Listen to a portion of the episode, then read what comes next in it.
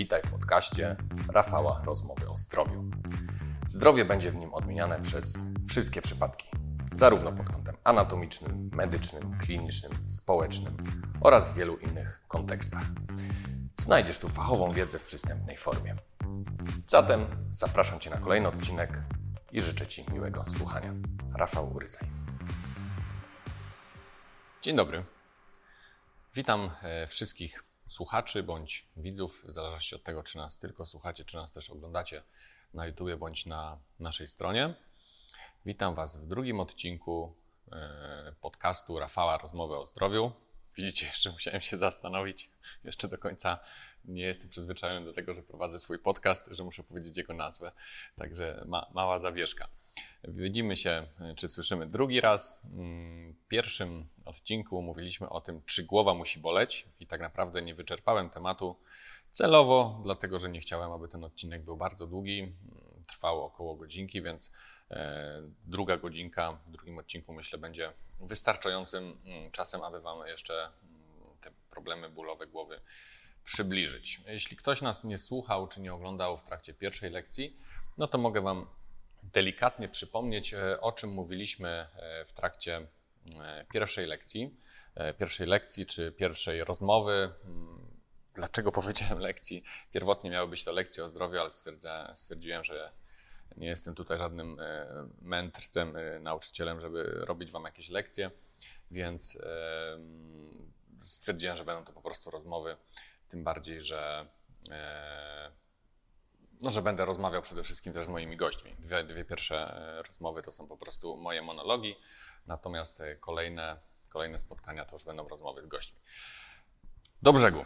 E, podsumowanie części pierwszej. Mówiliśmy sobie, czym są bóle głowy, jakie te bóle głowy mogą być ze względu na ich klasyfikację, czy medyczną, czy jeśli chodzi o charakter bólu głowy. Mówiliśmy sobie przede wszystkim, co może wpływać na te bóle głowy ze względu na przyczyny, na tryb życia, na jakość życia, na nasze nawyki. E, I tutaj e, dosyć dużo właśnie o tym mówiliśmy, dlatego że pacjent jest bardzo ważną częścią e, terapii, bez względu na to, czy leczy się u lekarza, terapeuty, fizjoterapeuty, osteopaty itd., tak itd. Tak jego postawa, jego zmiany w życiu są bardzo ważne. Dużo mówiliśmy o tym właśnie, jak, jakie tutaj podłoże ma układ autonomiczny, współczulny i przyspółczulny. Mówiliśmy dużo o śnie, o tym rytmie dobowym związanym ze snem. Nie mówiliśmy sobie o długości snu tak naprawdę, bo też powinienem wspomnieć, że i zbyt długa, i zbyt e, mała ilość snu e, może też być takim czynnikiem e, sprzyjającym występowaniu bólów głowy. Elementy, pewne, pewne, pewne składniki w diecie też mogą powodować bóle głowy, o czym sobie powiemy na koniec dzisiejszej rozmowy. No i taki, taki, taki można powiedzieć ogólna higiena życia codziennego tutaj się kłania, jeśli chodzi o te, te, te bóle głowy. Także jeśli e, nie słuchaliście lub nie widzieliście tego, mm, tej pierwszej rozmowy, to zapraszam Was do, do odsłuchania lub do obejrzenia. Jeśli będziecie oglądać, no to macie zawsze tą możliwość e, tego, że widzicie nie tylko moją gadającą głowę, ale widzicie też prezentację, e, którą się wspomagam. Czasami są tu jakieś grafiki, o których opowiadam. E, wizualizowanie pewnych rzeczy oczywiście ułatwia zapamiętywanie, naukę, więc jeśli macie ochotę lub macie też czas i możliwość, to oprócz słuchania zachęcam Was, żebyście też sobie tutaj zajrzeli, jak wygląda ta forma wideo. W dzisiejszej drugiej części e, Rafała Rozmów o Zdrowiu, czyli rozmów o tym, czy głowa musi boleć.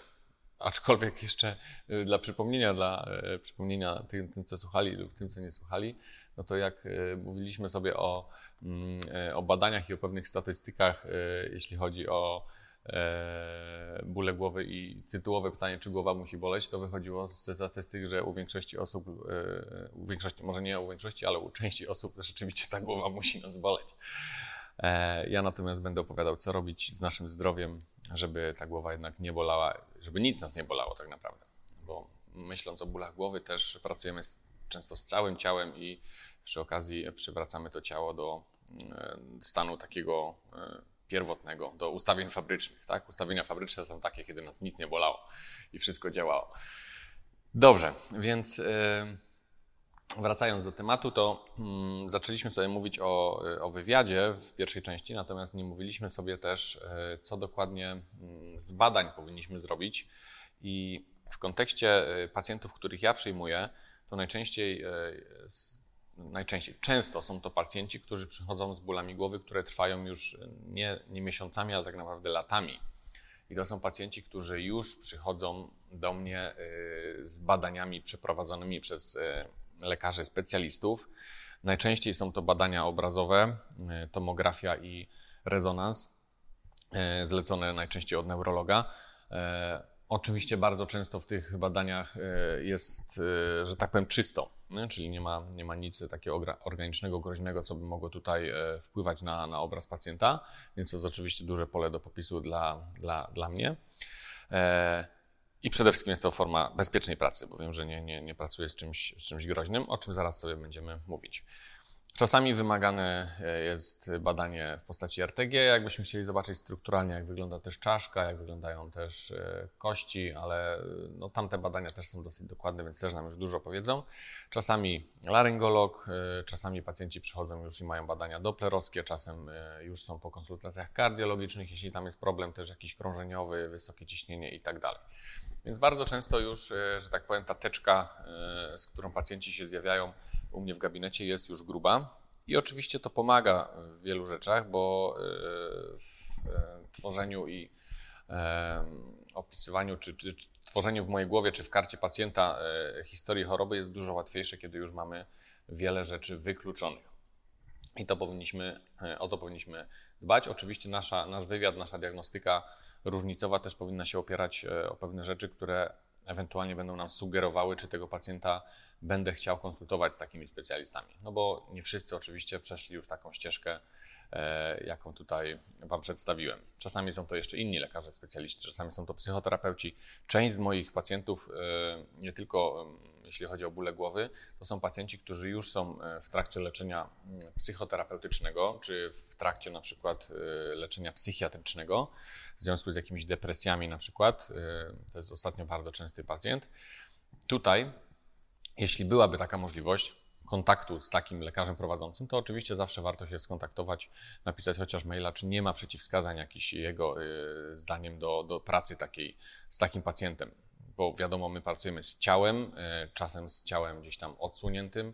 Nie wiemy, jaki jest problem pacjenta. Oczywiście lekarz mm, e, prowadzący, jak na przykład psychiatra czy psychoterapeuta, nie będzie nam oczywiście zdradzał problemów pacjenta, bo jest to objęte tajemnicą, ale może nam zasugerować, e, czego nie powinniśmy robić lub czego nie możemy w ogóle robić w danym etapie. No, dobra jest jednak współpraca międzyśrodowiskowa, ułatwia to na pewno życie i pracę terapeutów i prowadzenie pacjentów przede wszystkim, bo tu, ten pacjent stoi tutaj na pierwszym miejscu. Jeśli chodzi o to, co w gabinecie możemy robić, co, co ja robię, to przede wszystkim e, po tym wnikliwym wywiadzie, zebraniu informacji i jakby ustawieniu tego w jakiejś chronologii i, i posiadaniu jakiegoś obrazu pacjenta, chciałbym teraz tego pacjenta zawsze obejrzeć. Oglądam jego ciało i to, jak on funkcjonuje w polu grawitacji, czyli w pozycji stojącej, jak jego ciało się zachowuje, jak się zachowuje czasami jego ciało w pozycji siedzącej, jak się zachowuje jego ciało w ruchu. Chcę zobaczyć, jak to ciało funkcjonuje i gdzie ewentualnie są duże odstępstwa od yy, tak zwanej normy. Oczywiście nie ma jednej normy, ale od tak zwanej normy, od tej normy, którą ja też obserwuję u swojej populacji pacjentów tak? bo do, do, tego mogę odnosić, że tak powiem, e, jakieś, jakieś takie pojęcie normy. Po tym badaniu wizualnym nie chcę ufać tylko swojemu wzrokowi, ale chcę też zaufać temu, e, co to ciało powie, więc wykonuję badanie, które nazywam badaniem screeningowym lub badaniem, co się rusza, co się nie rusza. Chcę zobaczyć w tym ciele pacjenta, mm, gdzie są takie istotne restrykcje, istotne miejsca e, tak zwane, może, można powiedzieć, unieruchomione, zamrożone, które mogą wpływać na inne rejony ciała e, pod kątem napięciowym, pod kątem właśnie transmisji napięć w inne rejony, pod kątem e, rzutowania pewnego bólu.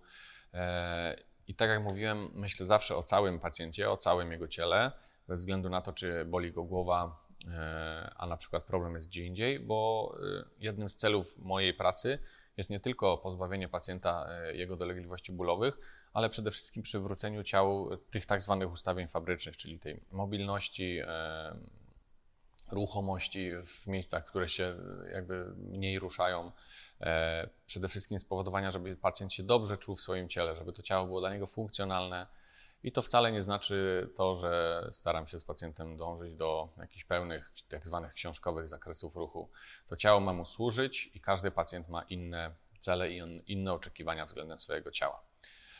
No, głównym oczekiwaniem jest oczywiście pozbycie się bólu. Na to badanie, które zawsze tak naprawdę jest w moim gabinecie, oglądanie i, i, i, ocenianie screeningowe, nakładają się oczywiście jeszcze inne badania. Są to badania funkcjonalne, badania długości, jakichś struktur siły, e, czasami badania e, stricte ortopedyczne, szczególnie jeśli były urazy lub jeśli podejrzewam e, jakieś uszkodzenia czy mikrourazy jakichś struktur konkretnych. E, czasami badania neurologiczne, jeśli są oczywiście do tego wskazania, to to jest jedno z podstawowych badań, które też powinniśmy mieć w jednym paluszku.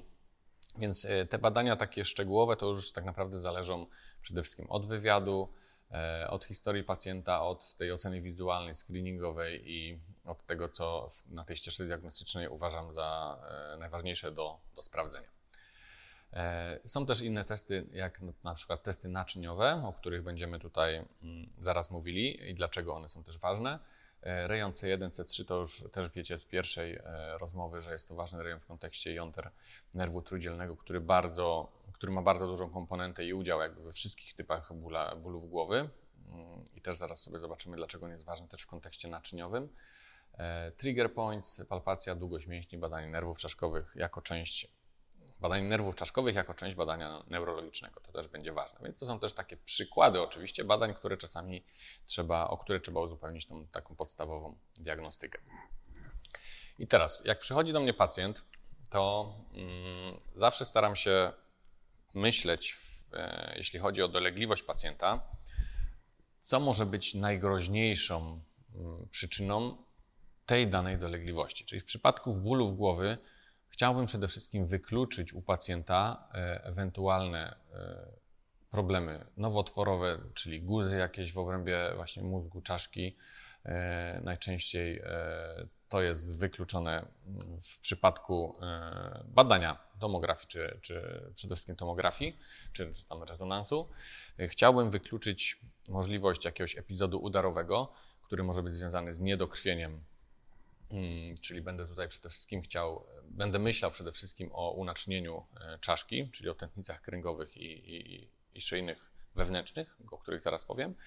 Będę myślał też e, o drenażu, co nie jest już rzeczą najgroźniejszą, ale oczywiście komponenta naczyniowa zawiera i unaczynienie, i odpływ, więc zarówno dopływ, jak i odpływ powinien być zachowany i, e, i powinien być w równowadze, więc problemy z drenażem czaszki, z zastojami też mogą powodować bóle w obrębie całej głowy. E, ale tak jak mówiłem, bo głównym wątkiem było to, że chciałbym wykluczyć najgroźniejsze rzeczy, najgroźniejszymi e, i najczęstszymi tutaj rzeczami, które mogą powodować e, powikłania czy jakieś stany zagrożenia życia są udary i, i guzy. Do, mm, w przypadku problemów guzów oprócz badania obrazowego mamy oczywiście tutaj badanie neurologiczne do wykonania, bo będzie u pacjentów mogą pojawić się jakieś deficyty, neurologiczne deficyty ze, stronów, ze strony mm, nerwów czaszkowych, jakieś zaburzenia, e, jak na przykład zaburzenia ze strony też mózgu. No, może być zaburzenia endokrynne, jeśli to będzie gdzieś e, guz w obrębie przysadki. No, trudno powiedzieć, e, jakie się pojawią. W każdym razie najczęściej są to objawy i deficyty neurologiczne. W przypadku y, y, e, epizodów udarowych będziemy sobie mówili, jakie tutaj są mm, najważniejsze takie sygnały, które wysyła nam ciało, y, gdzie możemy podejrzewać, że jakiś problem z e, unaczynieniem, czyli z dokrwieniem, czyli z dotlenieniem tak naprawdę danej części czaszki może, by, może być. I tutaj mm, będziemy mówili przede wszystkim o dwóch, e, o dwóch nerwach, o dwóch naczyniach. Jeszcze tutaj jak widzicie, lub jeśli nie widzicie, to sobie kiedyś zobaczcie. E, mm, jeśli chodzi o drenaż mózgu, to dla nas będzie bardzo ważną e, strukturą, e, czy, czy bardzo ważnym rejonem będzie otwór szyjny, gdzie następuje du, duża ilość spływu właśnie, właśnie krwi żylnej z czaszki i z zatok. Zaraz sobie o tych zatokach będziemy mówili. I to jest ten otwór szyjny, to jest jakby rejon między, mm, jakbyście tutaj sobie wypalpowali wyrostek sutkowaty, za mięśniem wypalpowali sobie e, wyrostek poprzeczny C1, to e, pomiędzy nimi jest taka przestrzeń w odpowiednim kierunku, jak ustawi się palec, to, to właśnie jest to rzutowanie i projekcja właśnie na rejon otworu szyjnego, którędy z czaszki wydostają się tętnica szyjna wewnętrzna, wychodzi tam też, też nerw błędny oraz nerw 9 i 11, a do czaszki wchodzi na przykład y, tętnica oponowa tylna, czyli też istotny rejon dla unaczynienia chociażby tylnego dołu opony twardej. Do rejonu mm, otworu szyjnego jeszcze sobie wrócimy, bo też będę mówił w kontekście napięciowym, co jest ważne, aby ten rejon był wolny od napięć. A my sobie przejdziemy teraz do e, właśnie tętnic, które unaczyniają nam e, wnętrze czaszki, e, po to, abyśmy rozumieli, jakie sygnały u pacjentów mogą wystąpić, e, które możemy czasami przegapić, albo o których powinniśmy tak naprawdę e, pamiętać w kontekście objawów, jakie pacjent będzie nam mówił już na poziomie wywiadu. Czyli najpierw mamy tętnicę kręgową, która biegnie przede wszystkim w kanale wyrostków poprzecznych. Mm, I Względnie ona jest, można powiedzieć, zabezpieczona w tym kanale, bo nie będzie na nią działać napięciowo za bardzo e, żadna ze struktur miękkich. E, natomiast e, mogą się pojawić na przykład osteofity, czy jakieś zmiany wytwórcze w obrębie tego kanału i mogą wpływać one właśnie na światło tętnicy. Na to też już nie będziemy mieli wpływu, dlatego tutaj ważne jest badanie obrazowe. E, tętnica ma taki kręty przebieg, szczególnie na poziomie swojego wyjścia już e, z tego kanału e, i mm, trzeba pamiętać, że ona jest w tym rejonie, gdzieś tam właśnie w rejonie już C0, C1, wrażliwa na pewne mm, pozycje głowy, są to przede wszystkim pozycje znacznego wyprostu i, skrętu na tym, na, na, na tym poziomie. I też trzeba pamiętać, że to jest rejon wrażliwy, jeśli chodzi o manipulację. Szczególnie jeśli pacjent ma podejrzenie jakichś zmian miażdżycowych, to zawsze niesie ze sobą ryzyko, taki gwałtowny impuls oderwania się tej płytki miażdżycowej. Oczywiście jest to hipoteza, aczkolwiek zawsze trzeba dmuchać na zimno i bezpieczeństwo pacjenta powinno stać na, na pierwszym miejscu, biorąc pod uwagę to, co chcemy z tym pacjentem zrobić w gabinecie. Jeśli chodzi o to, jakie może nam wysyłać sygnały tętnica kręgowa, to ona może nam wysyłać sygnały jakby na poziomie dwóch etapów. Pierwszy etap to są sygnały, kiedy jeszcze nie ma, mm, kiedy są nieischemiczne jakby objawy, czyli ten deficyt tlenu nie jest jeszcze jakiś taki znaczący. I to są najczęściej takie objawy jak mm, ból z tyłu głowy przede wszystkim, czyli ból w rejonie potylicy. Czasami ten ból może trochę migrować na, e, na bok szyi, ale przede wszystkim jest to raczej tył głowy, tył e, właśnie, e, czyli rejon potylicy.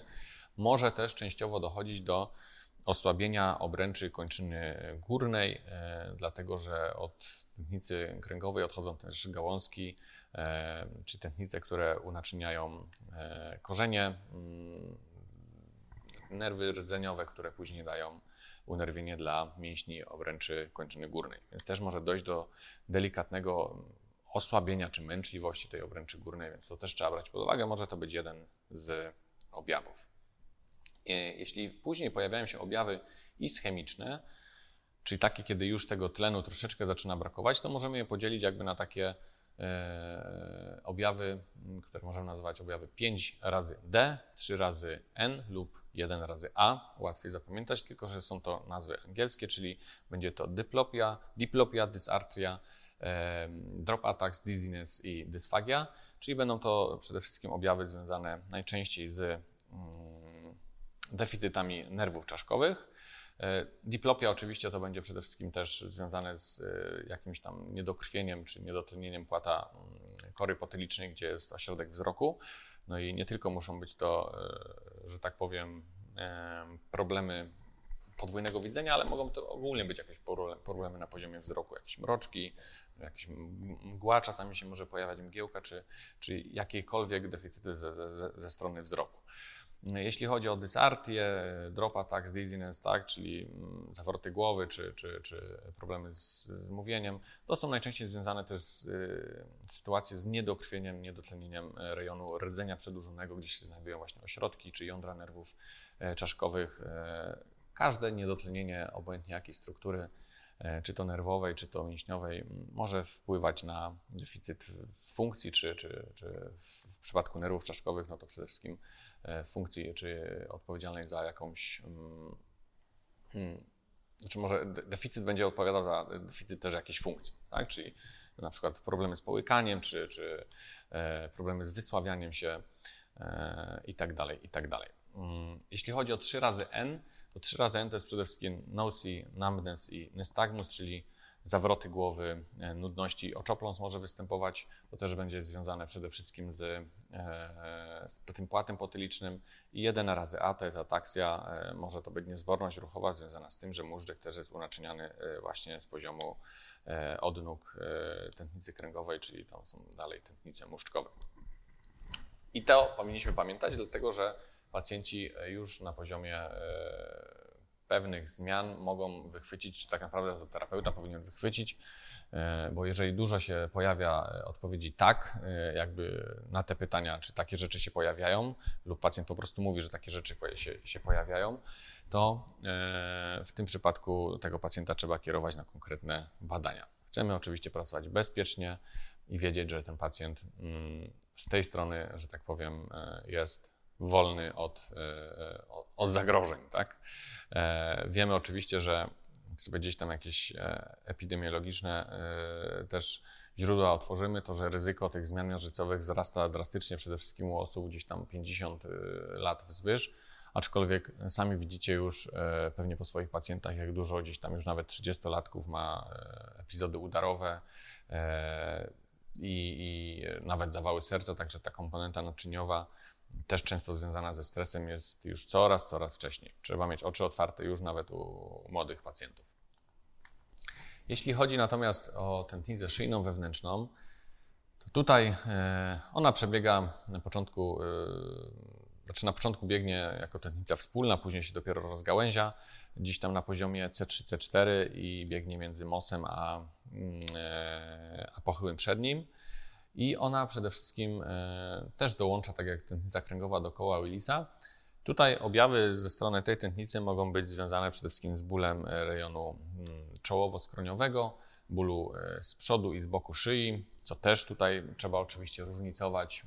Bardzo częstym problemem ostatnio, z ostatnimi latami, są problemy z tarczycą u kobiet, która kiedy się powiększy, też może dawać e, objawy bólu z przodu, z boku szyi, może dawać bóle takie kręczowe e, i mm, też trzeba brać to pod uwagę. Tak? Także w diagnostyce różnicowej pewnie znaleźlibyśmy jeszcze kilka innych e, rzeczy, które byśmy musieli wziąć pod uwagę, jeśli chodzi o ból oczywiście bocznej strony szyi.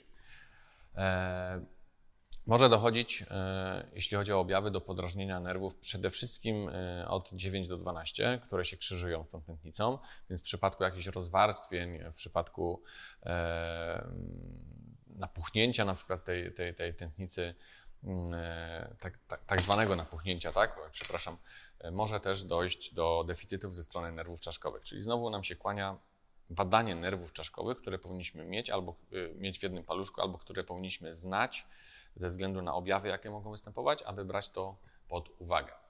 E, może też podrażniać nerw e, trójdzielny, on się krzyżuje mm, e, z gałązkami V1, V2, to jest ta tętnica, przynajmniej jej jakby część, która biegnie w obrębie zatoki jamistej po bocznych stronach ścian tej zatoki, więc też mogą dochodzić do, może dochodzić do objawów przede wszystkim ze strony, na, na, na poziomie twarzy, tak, u pacjentów. Może być to jakaś przeczulica, zaburzenia czucia, mm, podrażnienie na poziomie, na poziomie twarzy.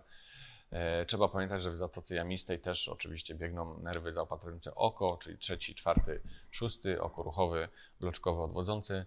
E, tych objawów mm, ze strony nerwów czaszkowych może być sporo. Może wystąpić też zespół Hornera, dlatego że mm, jakby reprezentacja tutaj układu współczulnego e, biegnie jakby wzdłuż, znajduje się gdzieś tam na poziomie tętnicy szyjnej, która wchodzi do czaszki. Mówimy tutaj o, zwojach e, układu współczulnego, więc też mogą wystąpić zaburzenia w postaci zespołu Hornera, czyli może być opadająca powieka, zapadnięta gałka oczna, suchość gałki ocznej, czy, czy też e, taka sztywność źrenicy. Więc to akurat będziecie widzieć u pacjenta mm, wiele, większość, większość tych, e, tych objawów, jak po prostu na niego spojrzycie.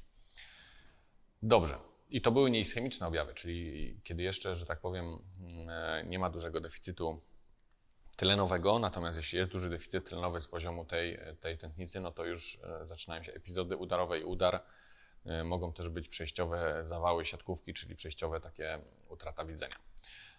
Więc przy ischemicznych objawach z tej tętnicy no często to już nie będzie pacjent, który będzie się zjawiał u Was w, w gabinecie.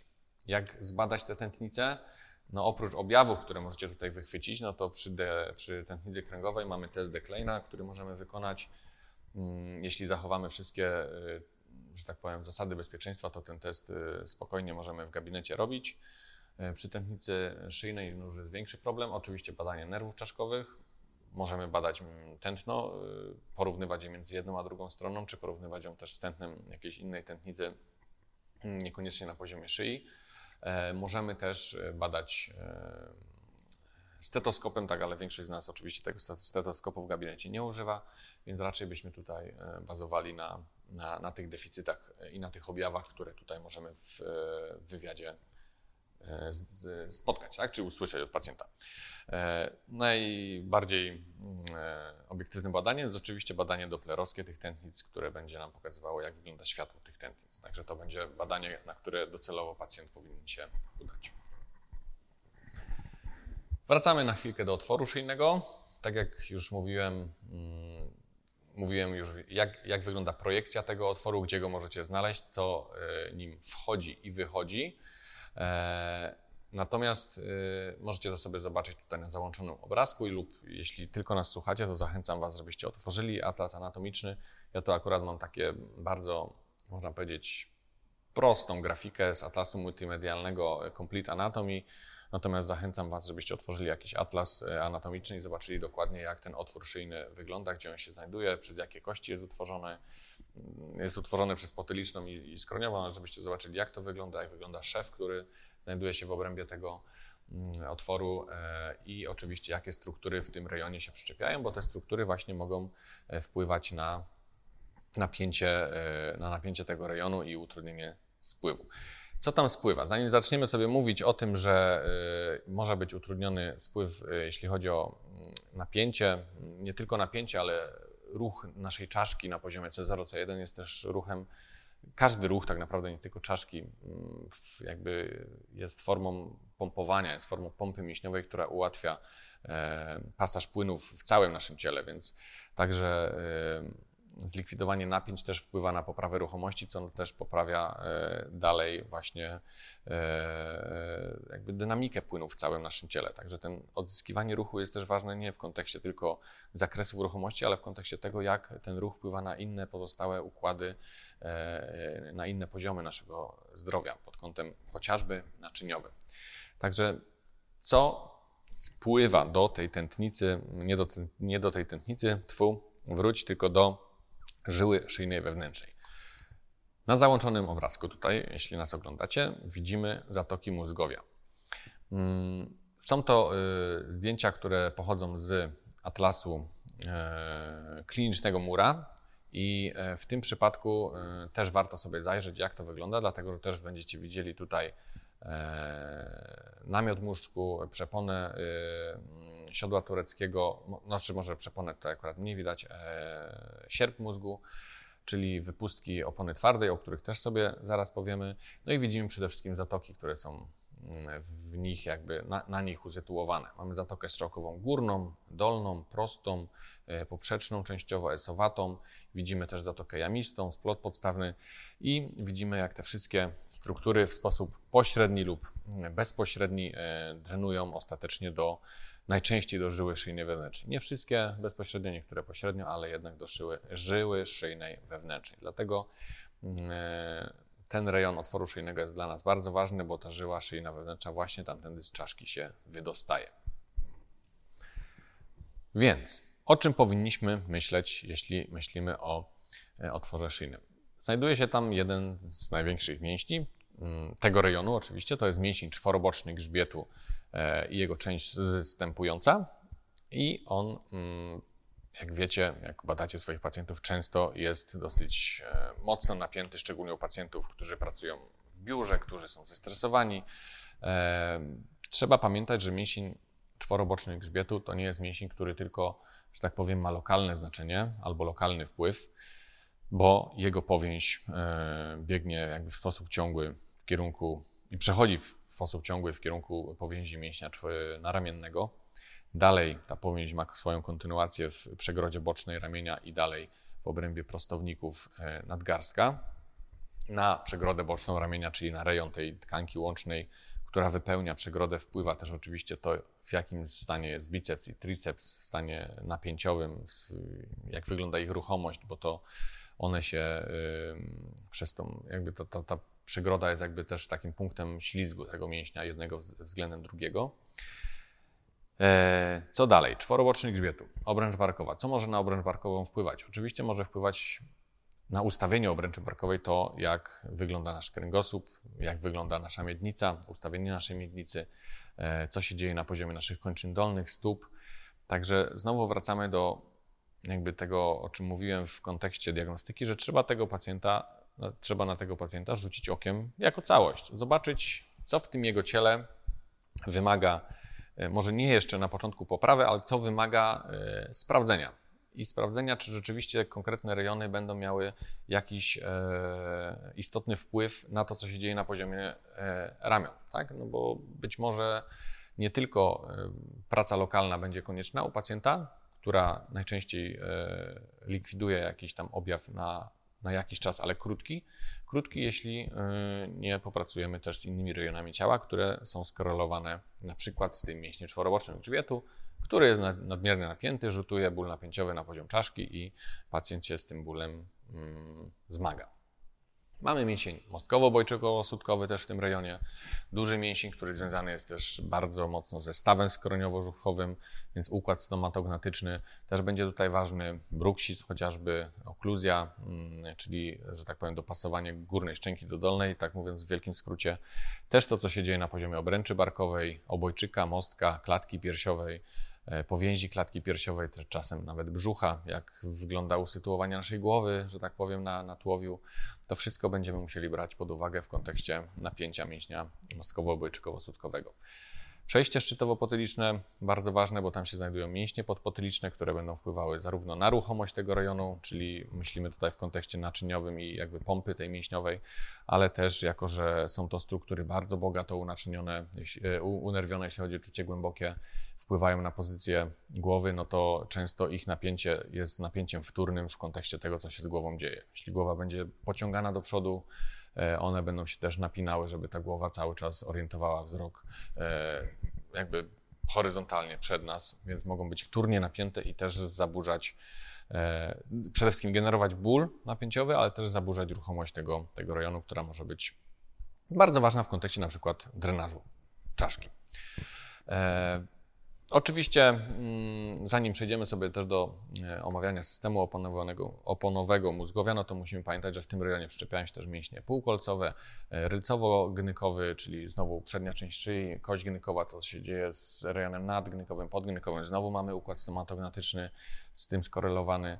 E, mamy dwubrzućcowy też jako mięsień mm, nadgnykowy, więc też ten rejon trzeba sprawdzić w kontekście tego, co się dzieje na poziomie otworu szyjnego. Jeśli chodzi o e, system oponowy mózgowia, bo już sobie troszeczkę zaczęliśmy mówić o tym, że e, w tym systemie oponowym mózgowia zawieszone są jakby mm, zatoki. I rzeczywiście ten system oponowy mózgowia stanowi też, jedną z ich funkcji jest jakby mm, stanowienie takiego stelaża, mm, podpory takiej e, dla naczyń, nie tylko za, dla zatok, ale dla naczyń żylnych, także dla, dla naczyń krwionośnych, czyli dla tętnic. E, one są wypustkami opony twardej, opony twardej, która z rdzenia kręgowego wchodzi do czaszki i e, okrywa też mm, nasze mózgowie. Wypustkami, dlatego że sierp wchodzi jakby pomiędzy półkulę mózgu. Namiot mózgu jest bardziej taką już poziomą strukturą, która sięga aż od potylicy po kość klinową. Więc tutaj znowu ważne jest, abyśmy e, troszeczkę tej anatomii sobie przypomnieli, żeby wiedzieć, do jakich kości się te struktury przyczepiają, bo wtedy będziemy wiedzieli, które e, rejony czaszki są ważne do sprawdzenia pod kątem napięciowym, bo to może też wpływać na to, jak, e, jakie napięcia są generowane na daną kość czaszki. Czyli mówiąc o sierpie, musimy pamiętać, że on się zaczyna na, mm, zależy od której strony patrzeć, na guzowatości potylicznej wewnętrznej, czyli jak znajdziecie sobie zewnętrzną, to jakby vis-a-vis z drugiej strony, można powiedzieć, w rzucie jest wewnętrzna. Ta struktura biegnie w sposób taki właśnie pionowy, e, wzdłuż całej, jak, całego jakby środka czaszki, wzdłuż kości ciemieniowych, jakby po, od razu po bocznych stronach od szwu, e, od szwu strzałkowego i biegnie przez środek kości czołowej, e, oczywiście od wewnątrz i kończy się na grzebieniu kogucim kości sitowej. Też polecam Wam zobaczyć, jak ten grzebień wygląda, tak jakby wpuklony jest troszeczkę do czaszki i tam się właśnie ten sierp przyczepia. Więc przede wszystkim tutaj musimy myśleć o tym, co się dzieje na poziomie kości potylicznej, ciemieniowej, czołowej przede wszystkim, jeśli chodzi o napięcie i jakie struktury mogą generować napięcie na tym rejonie. Mm, w myśl tensegracji oczywiście napięcie może być transmitowane, może być odpowiedź tego napięcia ze strony innych struktur. I następnie e, mówiąc o, e, o następnym slajdzie tak naprawdę macie przyczepy podane. I żeby było trudniej, macie te przyczepy podane e, też tutaj w mm, łacinie, Teraz tak sobie patrzę, że tutaj mam troszeczkę skrótowo e, podane, czyli e, na przykład szef strzałkowy górny e, jest tutaj w formie SSSS. Możecie sobie to rozszyfrować. Jak nie rozszyfrujecie, to dajcie znać, ja Wam to rozszyfruję, dlaczego to jest 4 razy S. Namiot muszczku. Przyczepia się też do guzowatości potylicznej wewnętrznej, czyli przyczepia się do kości potylicznej, dalej do kości e, też ciemieniowej, kąt dolny, dalej do kości skroniowej, w części skalistej i dalej do kości mm, klinowej w wyrostki pochyłe. Także też bardzo ważny rejon. Kość klinowa w ogóle jest bardzo ważnym rejonem dla naszej czaszki i też połączenie kości klinowej z potyliczną, czyli te dwie kości nam się cały czas tutaj przewijają. O tym e, może w to, w to, aż tak bardzo się nie będziemy zagłębiać, bo jeśli ktoś e, jakby nie, za, nie zajmuje się jakby stricte mm, terapią czaszkowo-krzyżową, to tutaj tych inklinacji byłoby za dużo, aczkolwiek pamiętajcie o tym, co możecie, o czym może, możecie pomyśleć w kontekście wpływu mm, napięć na te kości czaszki, do których właśnie się ten system oponowy przyczepia. Trzeba pamiętać też, że do opony twardej e, przyczepia się e, mięsień podpotyliczny jeden, czyli prosty głowy tylny mniejszy, więc w kontekście tutaj napięciowym rejonu szczytowo-potylicznego też trzeba pamiętać, że on może wpływać na napięcie właśnie tych wypustek. Jeszcze Później sobie tak naprawdę wrócimy też do tego, jakie jest zamocowanie tej opony twardej, żeby też Wam pokazać pewne korelacje w ciele, korelację czaszki też z innymi rejonami ciała, ale to sobie e, przejdziemy, przejdziemy później. Możemy też pamiętać o unaczynieniu tego systemu oponowego, e, czyli tętnicach oponowych przedniej, środkowej i tylnej.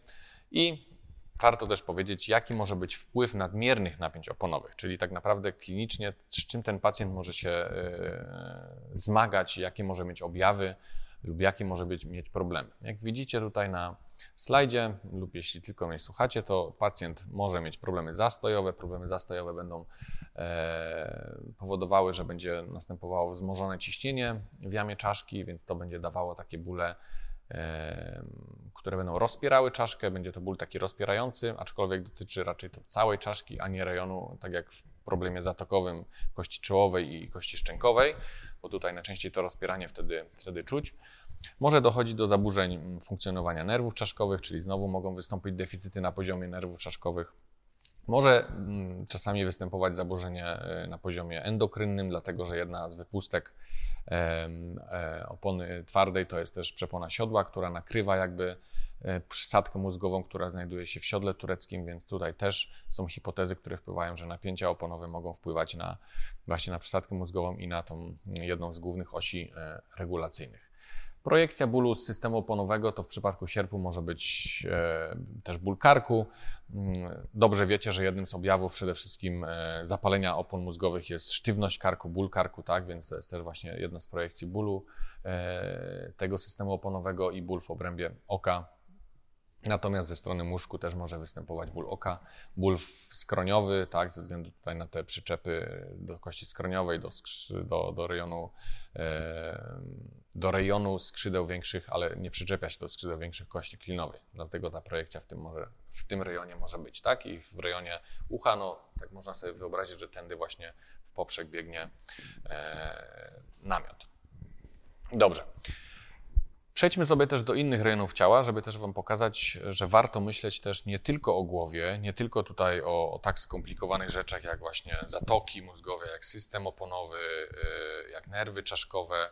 Tak, oczywiście wrócimy sobie też do, do, do, do jeszcze mięśni, które mogą rzutować tutaj ból, czyli do takich najprostszych e, strukturalnych rzeczy, ale warto też zobaczyć, że inne rejony ciała ze względu na swoje pewne koneksje mogą wpływać też na, na bóle głowy. Są to oczywiście przykłady tylko moje, są to e, też jakieś e, często hipotezy, e, aczkolwiek chcę Wam pokazać, jak to nasze ciało jest zbudowane, jak jest połączone, jak cały czas, można powiedzieć, stanowi jedność nierozerwalną od siebie.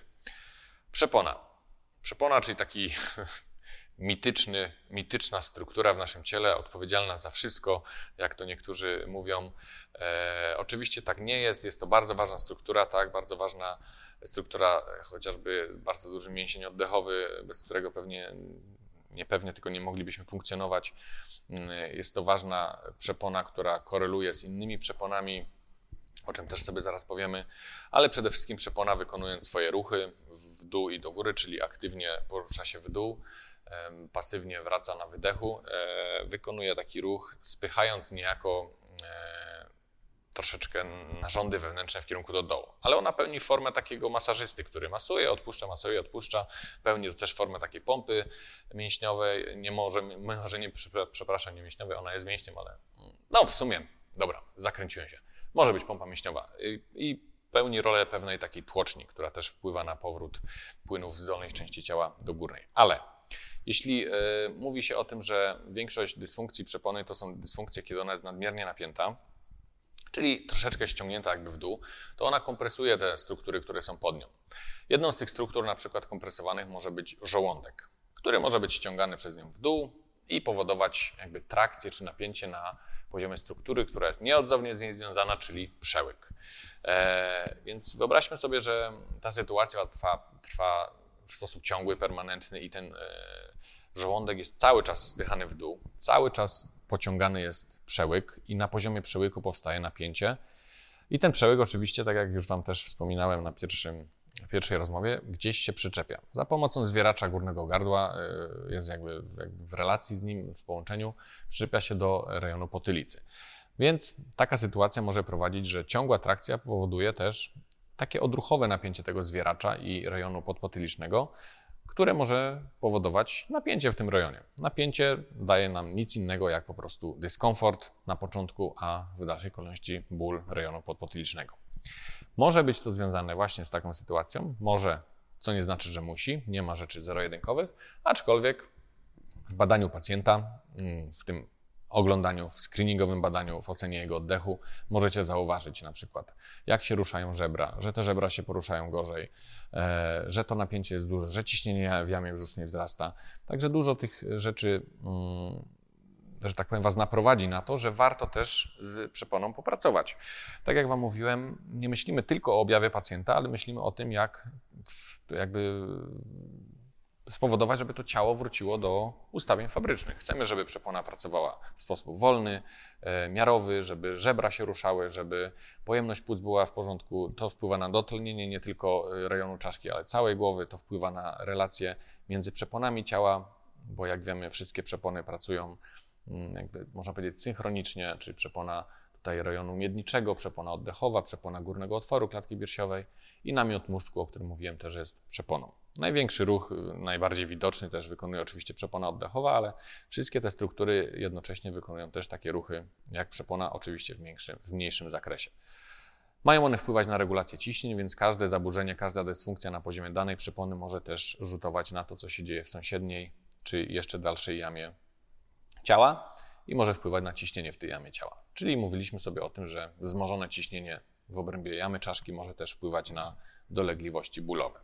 I tak tu właśnie mamy relację z przeponą. Oczywiście z przełykiem, który, mm, który sobie biegnie od, y, że tak powiem, prawie że potylicy do żołądka, biegnie mm, od poziomu e, gdzieś tam wejścia do, do, do klatki piersiowej nerw błędny, który się owija mm, niejako wokół przełyku, więc duże napięcie, duża trakcja na poziomie tego przełyku może też powodować dysfunkcję na poziomu nerwu błędnego. I teraz, co ten nerw błędny ma tutaj do rzeczy, jeśli chodzi o bóle głowy? Pierwsza ważna rzecz, znowu trzeba by wrócić do pierwszej rozmowy, e, gdzie mówiliśmy sobie o roli układu współczulnego. No, nerw błędny ma największą projekcję, jeśli chodzi o układ przywspółczulny, więc on będzie tym, tą przeciwwagą dla tego nadmiernie e, czasami pobudzonego współczulnego i będzie ważny w utrzymywaniu homeostazy, czyli równowagi, balansu między jedną stroną a drugą tego układu autonomicznego. Więc jak możemy sobie sprawdzić w ogóle, czy ten układ przywspółczulny e, potrafi odpowiedzieć na, e, na reakcję po wystąpieniu jakiegoś stresora? Bo to jest tak naprawdę fizjologia, że no, występuje stresor, on zawsze będzie występował od e, zarania dziejów. Te stresory były, czy to się pojawiał gdzieś tam, nie wiem, jakiś dinozaur, lew i tak dalej a teraz tymi stresorami jest na przykład, y, nie wiem, mąż albo żona, albo inflacja wysoka, albo no wiele, wiele, wiecie, różnych e, zdarzeń. E, I układ przywspółczulny ma po prostu po wystąpieniu tego stresora doprowadzić w sposób fizjologiczny do wyciszenia tego układu współczulnego i tak to powinno funkcjonować. Gorzej jest, jak jakiś układ jest nadmiernie na, e, pobudzony, na przykład współczulny, a przywspółczulny na przykład nie potrafi wyciszyć tej sytuacji no to wtedy mamy pewną jakąś dysharmonię, już dysbalans. Jak możemy to sprawdzić? E, w postaci mm, przede wszystkim tego, jak funkcjonuje nerw błędny i czy nie ma jakichś mm, deficytów. Może to u pacjenta być, e, manifestować się w postaci duszności, w postaci kaszlu, w postaci chrypki albo w postaci, jeśli badamy sobie, mm, tak jak u laryngologa, wyjmujemy język, mówimy A, tak? E, patrzymy, jak porusza się języczek w tym czasie, czy on, e, że tak powiem, harmonicznie się rusza w jedną i w drugą stronę. Możemy w ten sposób zobaczyć, czy ten nerw błędny prawidłowo funkcjonuje, czy nie ma żadnych deficytów. Aczkolwiek możemy też zbadać, tylko do tego już jest nam potrzebne badanie kardiologiczne e, i to się bada miarowość jakby czasu mm, pomiędzy uderzeniami serca. I teraz, kiedy to powinniśmy zbadać? Moment wdechu jest to jakby większa aktywacja układu współczulnego, wdech jest aktywny. Moment wydechu jest to większa aktywacja układu przywspółczulnego, stąd ten wydech i ten oddech często się używa, a przede wszystkim przedłużony wydech używa się do ćwiczeń medytacyjnych, do ćwiczeń, które mają uspokajać, e, relaksować, właśnie po to, żeby aktywować ten układ przywspółczulny. Czyli normalną sytuacją jest sytuacja, kiedy między dwoma kolejnymi, w trakcie wydechu, między dwoma kolejnymi uderzeniami serca, odległość między tymi uderzeniami serca jest dużo mniejsza, czyli czas między uderzeniami jest dużo mniejszy niż czas między dwoma uderzeniami serca, czy kolejnymi uderzeniami serca w trakcie wydechu. I normą jest to, że yy, powinna być duża zmienność tego czasu e, w momencie wdechu i w momencie wydechu. Jeśli tej zmienności nie ma lub e, ten czas jest taki sam, no to wtedy wiemy, że jest w jakiś sposób zaburzona odpowiedź tego układu przywspółczulnego, na przykład na jakiś stresor, czy, czy po prostu jest zaburzona ta odpowiedź w stosunku do układu współczulnego, czyli zaburzona jest możliwość wyciszania naszego organizmu. Także to jest bardzo ważne, żebyśmy mogli sobie to ocenić e, w kontekście tego, czy czy pacjent mm, jest w tym stanie tak zwanej sympakotomii, czyli pobudzeniu współczulnym permanentnie, tak? Bo jeszcze raz podkreślę, to nie jest e, nic e, nienormalnego, jeśli to się dzieje mm, w sposób fizjologiczny, czyli jesteśmy poddawani stresom, e, uprawianie sportu jest stresem, jest pobudzeniem współczulnym. Jeśli potrafimy do tego e, fizjologicznie wrócić do normy, do, tej, do, do poziomu normy, to to nie jest nic, nic nienormalnego. Tak? Gorzej, jeśli mm, ta, ta harmonia jest zaburzona. Jak nerw e, błędny może wpływać też na bóle głowy? Wiemy, że nerw błędny, większość informacji, jakie niesie, jakby to są informacje aferentne, czyli informacje dośrodkowe, czyli on niesie informacje z obwodu, przede wszystkim z narządów wewnętrznych, co się tam dzieje, do centrali. E, I teraz, jeśli będziemy, że tak powiem, przeładowywać go, przestymulowywać go złymi informacjami, tak zwanymi złymi informacjami, oczywiście, mówię w wielkim skrócie, to może dojść do jakby przestymulowania tego, tego nerwu, prze, przebodźcowania może, to by było lepsze, lepsze słowo. I e, nasz organizm oczywiście na pewne sytuacje przebodźcowania reaguje w przypadku układu ruchu na przykład bólem, napięciem mięśniowym, ograniczeniem ruchomości, czy, czy, czy wręcz takim stanem, które uniemożliwiają ruch, po to, aby zabezpieczyć pewne rejony. W przypadku nerwu błędnego, jeśli takie przebodźcowanie będzie istniało, no to w jaki sposób może zareagować? Przede wszystkim może zareagować też napięciem i usztywnieniem czy unieruchomieniem pewnych rejonów e, i będą to najczęściej rejony w rejonie właśnie przebiegu tego nerwu, czyli będzie to odcinek piersiowy kręgosłupa, e, tam gdzie biegnie właśnie przełyk razem z nerwem błędnym, będzie to odcinek szyjny kręgosłupa, czyli miejsce, gdzie ten nerw błędny biegnie między, tak jak Wam mówiłem, mięśniem pochyłym e, przednim a mosem i czy rejon szczytu, szczytowo-potylicznym, czyli miejsce, gdzie ten nerw wychodzi z czaszki. Tak więc to są też takie sytuacje, kiedy pacjent na przykład nagle z dnia na dzień zblokowało go, nie może się ruszyć. E, być może jest to już jakiś po prostu efekt sytuacji, która trwała, trwała, trwała, aż doszła, że tak powiem, do, takiego, do takiej granicy, gdzie nasz organizm już, że tak powiedział, stop, już dzisiaj mi nie będziesz dalej szkodził, weź się za siebie, idź do fizjoterapeuty, idź do osteopaty, niech zobaczy, co się z tobą dzieje bo ja już tutaj nie, nie wydolę.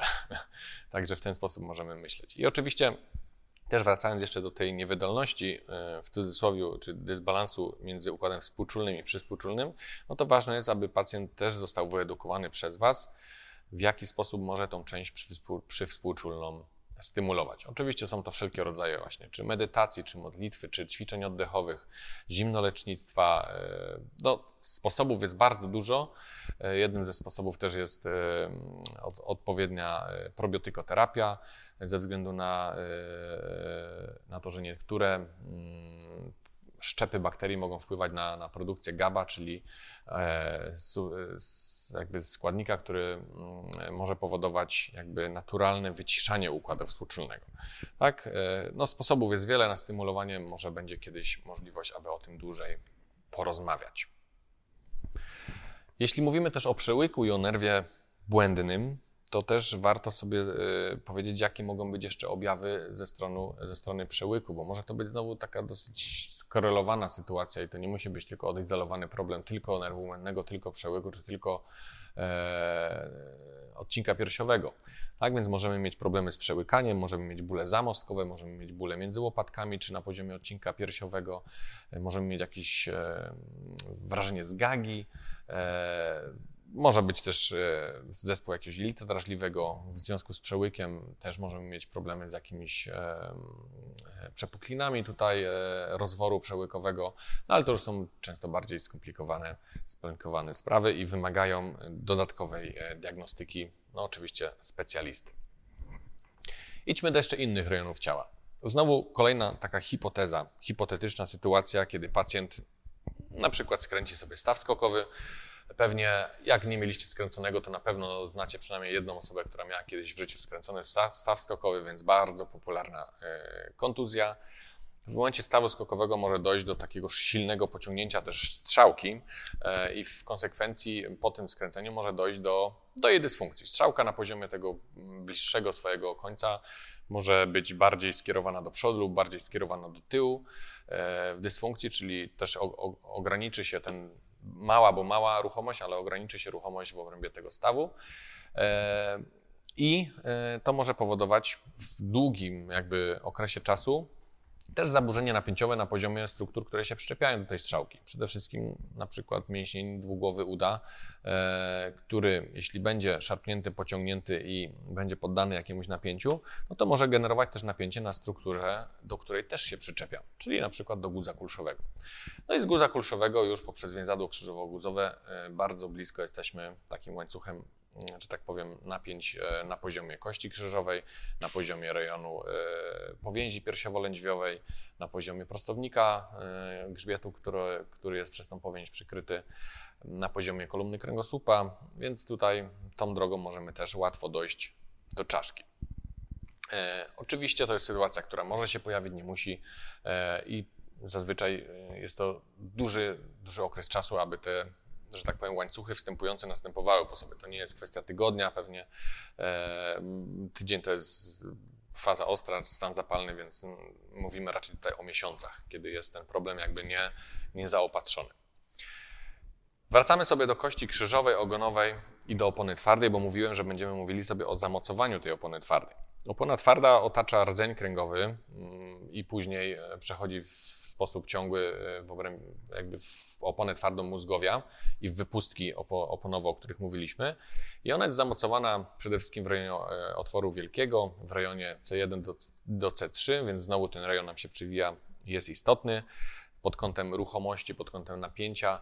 E, ten rejon to jest też rejon mięśnia, gdzie się znajduje mięsień prosty głowy tylny mniejszy, który się bezpośrednio łączy z oponą twardą. Mamy dalej drugi segment krzyżowy, czyli rdzeń się kończy na poziomie lędźwiowym, a dalej jakby opona twarda ma swoją ciągłość i kończy się w postaci nici końcowej na kości ogonowej. I znowu tutaj problemy, dysfunkcje, złamania, pęknięcia, mm, e, jakieś repozycje, napięcie, które wpływa na, na ruchomość kości krzyżowej, może wpływać znowu na, mm, można powiedzieć, trakcję tej opony twardej. To jest tak, jakby wam, was ktoś ciągnął od dołu cały czas za pomocą struktury, która kończy się na poziomie czaszki i generował napięcia, które idą jakby z dołu w kierunku do góry. Oczywiście kość krzyżowa, tak jak przed chwilą mówiliśmy, jest połączona też y, z czaszką za pomocą prostownika, e, jakby pośrednio za pomocą kolumny kręgosłupa, czyli ważne znowu jest, jak cały kręgosłup jako kolumna funkcjonuje, a nie tylko jako e, jakiś element składowy czy, czy, konkretnych, czy konkretne jego segmenty, całość powinna pracować e, prawidłowo. Mamy więzadła, mamy rdzeń kręgowy, więc szereg połączeń między tą kością krzyżową a czaszką jest. Stąd też mm, jakieś znaczenie w tym kontekście czaszkowo-krzyżowym, w kontekście bólów głowych, oczywiście powinniśmy mieć na uwadze.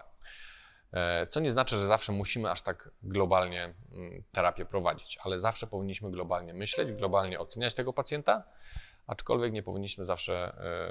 No czasami problem jest bardzo prosty, lokalny, napięciowy, więc mm, nie zawsze te łańcuchy muszą być takie rozległe. Dobrze. E, to jest tak naprawdę większość z rzeczy, które tutaj Wam chciałem mm, powiedzieć, jeśli chodzi o, e, o kluczowe rzeczy. Jeśli chodzi o e, mięśniowe rzeczy, tak naprawdę, bo to też bardzo często jest poddawane terapii, to trzeba pamiętać też, że jest szereg struktur, które mogą jakby rzutować ból na rejon naszej czaszki. Tak, i to na pewno będą mięśnie czworoboczne grzbietu, o którym mówiliśmy, popularne punkty spustowe, które rzutują ból na rejon tylnej strony czaszki, tak? Także y, to nie zawsze tak naprawdę musimy, y, będziemy, nie zawsze będziemy mieli do czynienia z jakby z komponentą naczyniową, a czasami będzie to komponenta naczyniowa, y, komponenta, przepraszam, mięśniowa, związana na przykład z projekcją bólu mocno napiętego mięśnia. MOS może nam rzutować ból na rejon ucha, skroni, rejon żwacza, na rejon szczytu głowy, żwacz, mięsień skroniowy też, przede wszystkim boczne strony, żwacz dodatkowo może powodować ból rejonu, e, też ucha stawu skroniowo-żuchowego może imitować bóle zębów, e, mięsień czołowy może nam dawać bóle tutaj lokalnie, właśnie w obrębie swoich brzuźców, e, mięsień dwubrzuźcowy, półkolcowy, tak, prostownik grzbietu, prostowniki szyi głowy, te wszystkie mm, i podpotyliczne oczywiście, te wszystkie struktury mogą powodować bóle na poziomie czaszki. E, no i też mówiłem Wam, że mm, oczywiście nie jest to nasza jakby znowu broszka, tak zwana, czyli nie jest to jakby w naszych kompetencjach nie leży, ale y, zdarzają się czasami mm, rzeczy w naszej diecie, które też mogą generować, mogą być tym triggerem, które będą powodowały ból głowy. I e, wymienia się wśród nich przede wszystkim e, aspartam, który jest często stosowany jako zamiennik cukru e, u wielu osób, na przykład u cukrzyków. On też może generować ból głowy. Na przykład składniki zawarte w, w czekoladzie, w gorzkiej czekoladzie też mogą powodować fenylo... Kurczę, nie pamiętam nazwy. Fenylo... Enylo... Dobra, nie będę tutaj tworzył słowo, słowotwórstwa. E, wypadło mi z głowy. Zaczyna się od fenylo, mm, e, ale nie pamiętam do, dokładnie, bo to jest taka dłuższa nazwa. E, też może powodować ból głowy. Oczywiście kofeina zawarta w kawie. Mm, jednym służy, jednym nie służy. Ostatnio nawet czytałem bardzo dużo badań, które mówią mm, same pozytywne rzeczy na temat kawy, na temat wpływu na układ krążeniowy, na temat profilaktyki e, chorób e, nowotworowych wątroby, choroby Parkinsona.